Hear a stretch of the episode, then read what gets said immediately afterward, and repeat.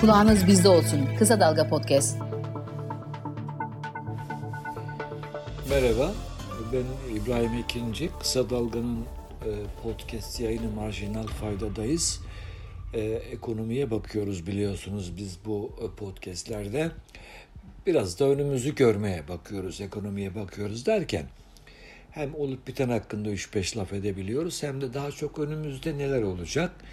Şimdi bu hafta ben dinleyicilerimize neler olacak sorusu için şöyle kısa bir yanıt vermeyi düşündüm. Bir, dövizde yön yukarıdır. İki, enflasyonda da yön yukarıdır. Enflasyon da artacaktır. Üç, en belirgin e, konjöktür unsurlarından biri de ekonominin yavaşlaması. Ekonomi yavaşlayacak. Öyle gözüküyor. Kredilerden öyle gözüküyor. Şimdi e, dövizin yukarı gideceğini nereden çıkartıyoruz?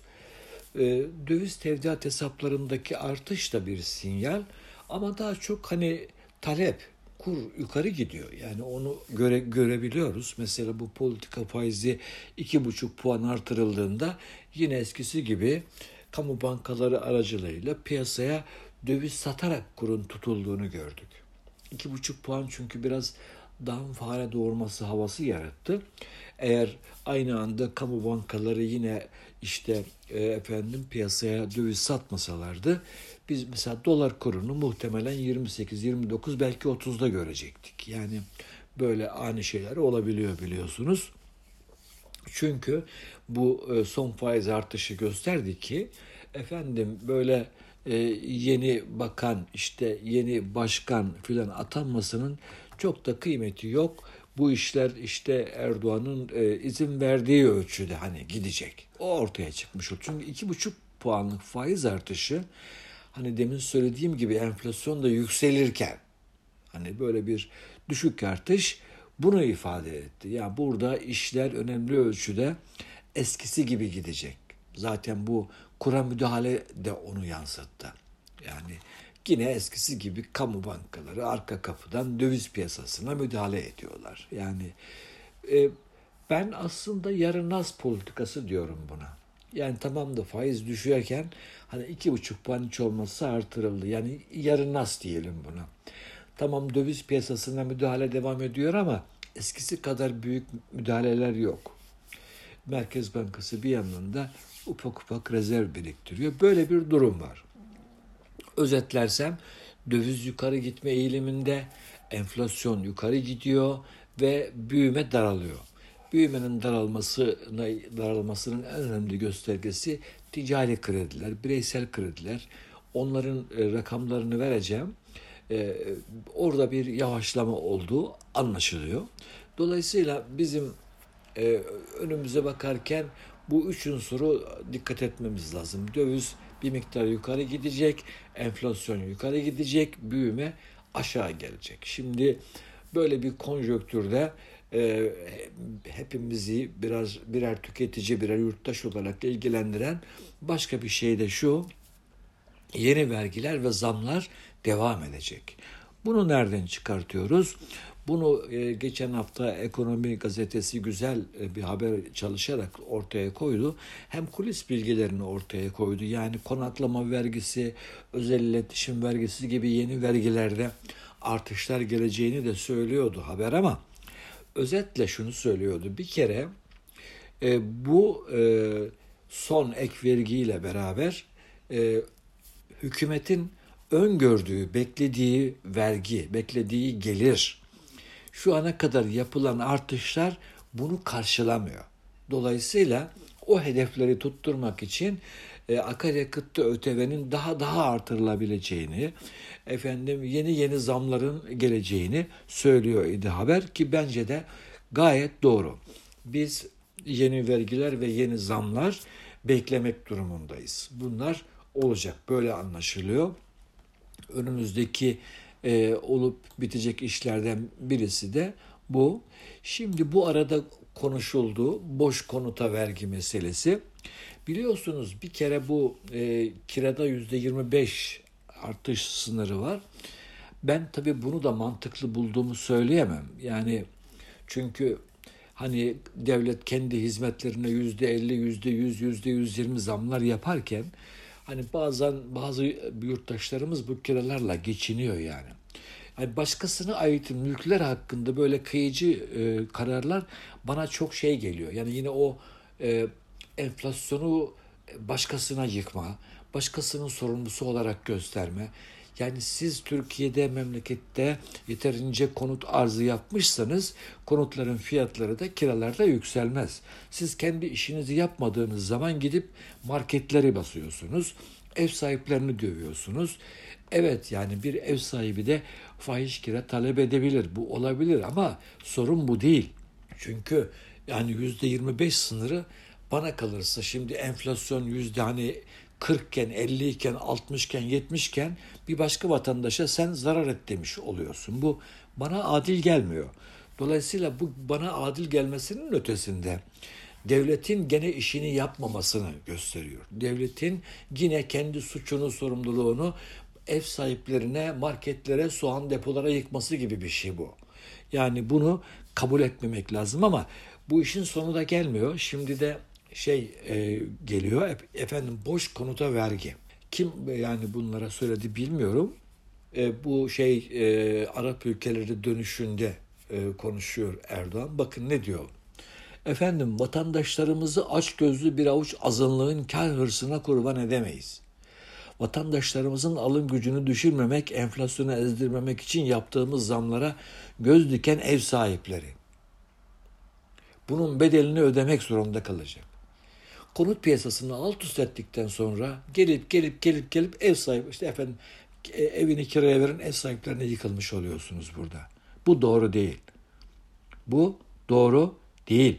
Yeterince konut üretimini sağlamak, yeterince konut e, kiralık konut arzını sağlamak devletin görevidir. Devlet kalkıp hani bu tür işlere sürekli bir suçlu bulup kendi hatasını, kendi eksikliğini gizleyemez, gizlememelidir. Gizliyorsa da gizlesin, biz görelim hiç olmazsa. Mesele bu. Şimdi e, ben fazla konutlardan vergi alınmasını istiyorum. Evet, yüksek vergi. Yani mesela bir konut bir konutunuz varsa ikinci konutta vergi daha yüksek olabilir. Üçüncü konutta daha yüksek olabilir. Dördüncü konutta daha yüksek olabilir. Yani böyle bir sistem uygulanabilir. Bu mümkün. Bu hem vergi gelir adaletini de sağlar. Yani ona bir şey demiyorum ama hani böyle e, hükümetin doğrusunu istersen kendi sorumluluklarını yıkma e, e, davranışını da e, doğru göremiyorum. Yani ona da yurttaşlar olarak bizim bir dakika dememiz lazım. Önce siz işinizi yapın. Bu fazla konuta e, vergi, boş konuta daha doğrusu fazla değil de boş konuta. Boş tutulan konutlara vergi çeşitli ülkelerde uygulanıyor. Mesela İspanya'da 3,5 milyon civarında boş konut varmış ve hükümet böyle bir şirketler 2 yıldan fazla boş tutarlarsa vergi, yurttaşlar da işte 15 konutu varsa ondan onu boş tutuyorsa filan böyle vergiler gibi farklı uygulamalar getirmişler. Kanada'da varmış, e, ABD'nin bazı bölgelerinde varmış. E, bence de olabilir. Yani uygulanabilir. Ama hani bunu yine hani e, bir çeşit servet vergisi mantığı içerisinde düşünmek, tasarlamak lazım ve sürekli de olabilir. Ama bunu hükümetin işlerini gizlemek ve hatalarını efendim e, gizlemek için e, sunmak, yapmak bana doğru gelmiyor. Türkiye'de de sadece İstanbul'da 450 binden fazla, bazı rakamlara göre 750 bin efendim konut boş. Yani bu tabii ki doğru bir durum değil, doğru bir tablo değil. E, TÜİK'in 2021 verileri var. Orada da e, tamamlanacak konut stoku yani boş ev sayısı 1 milyon 629 bin gözüküyor. Yani bir buçuk milyondan fazla Türkiye'de boş konut var. Yani e, oturulabilir konut var ama e, bunlar piyasaya sürülmüyor. Böyle bir durum var. Bu konut vergisi bizim önümüzde duruyor. Zaten hükümet biliyorsunuz bu aralar eli sıkışık vergi ve zam yağdırıyor. Şimdi bunu hani bunu da çıtlatmışlar. Tabii bunun üzerine gider. Yani buradan bir vergi koparayım diye efendim e, bunu salt o nedenle bile getirir yani. Onun haberiniz olsun.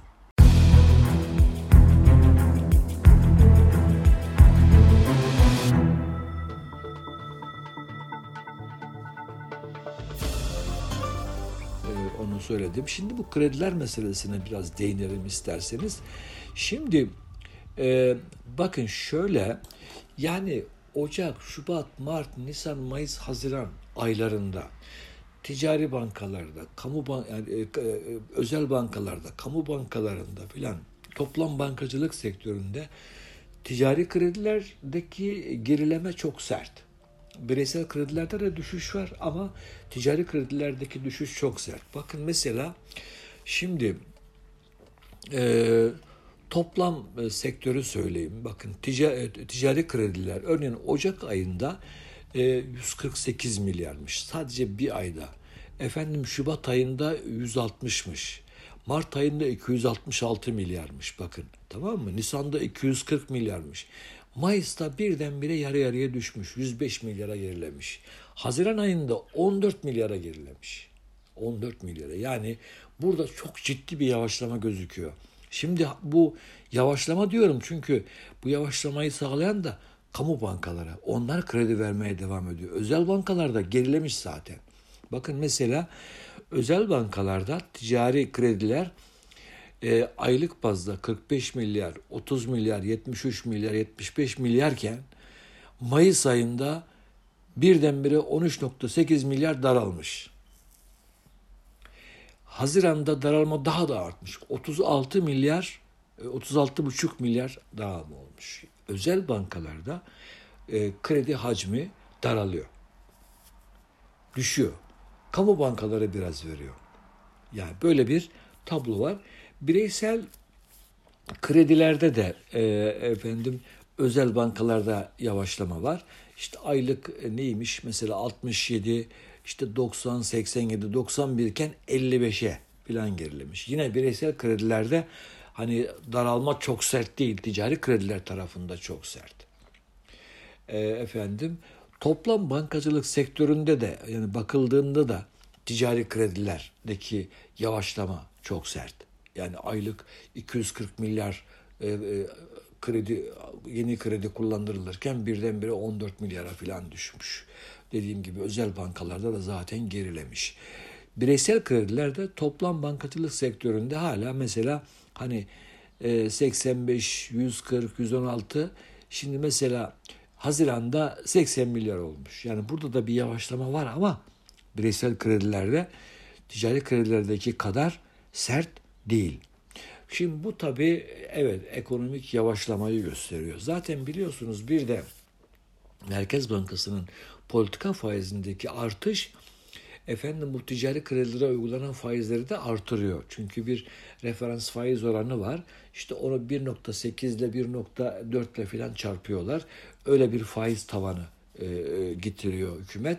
O faiz tavanını aşarsan menkul kıymet tesis etmek zorunda kalıyorsun filan. Yani düşük krediyi zorluyor. E, ticari e, kredilerde düşük faizi zorluyor hükümet. O uygulama devam ediyor ama sonuç olarak bu kredilerin biraz yavaşladığını görüyoruz. Dolayısıyla hani şu başlıkta söylediğim döviz yukarı, enflasyon yukarı, ekonomik büyüme aşağı. İşte onun tablosu bu.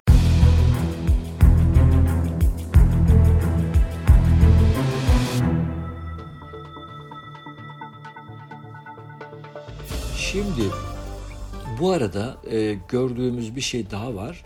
E, kur korumalı mevduatla ilgili biliyorsunuz hükümet tabi bundan nasıl çıkacağını kara kara düşünüyor. Buna zorunlu karşılık getirdiler. Yani daha doğrusu zorunlu karşılığı yüzde on oldu. Biraz bankalar için maliyetli hale geldi demek bu. Dolayısıyla bankalara bankalar kur korumalı mevduat yapmaktan caysın. Yani TL mevduat tarafını daha e, cazip, daha hani e, e çekici kılmak için de 6 aydan uzun vadelerde bu, bu zorunlu karşılıkları falan sıfırladılar. Dolayısıyla hükümet zor, e, şeyden e, kur korumalı mevduattan e, normal TL mevduata geçişi özendirmeye çalışıyor. Bu oran değişimi çok bir etki eder mi? Bilmiyorum bekleyip göreceğiz. Bir de bu arada bu kur korumalı mevduattan behemahal çıkmak gerekiyor. Çünkü şimdiye kadar 300 milyar liranın üzerinde bir kur farkı ödemesi yapıldı. Fakat bazı tahminlere göre e, efendim işte e, 7. 8. aylarda yani bu kurun esas çıktığı aylarda ki kur farklarından dolayı aylık bazda böyle 200-200 milyarlar ödemeler gelecek. Dolayısıyla önümüzdeki birkaç kaç ay içerisinde kur korumalı mevduata e, toplam e, ödenen kur farkının da e, 600-700 milyarı bulması muhtemel. Yani işte umulur ki bu bundan bir an önce çıkılsın da hani böyle gereksiz bir ödeme yapılmasın. Evet. Benden bu haftalık bu kadar. Kendinize iyi bakın. Önümüzdeki hafta tekrar buluşuruz. Yine ekonominin durumunu gözden geçiririz.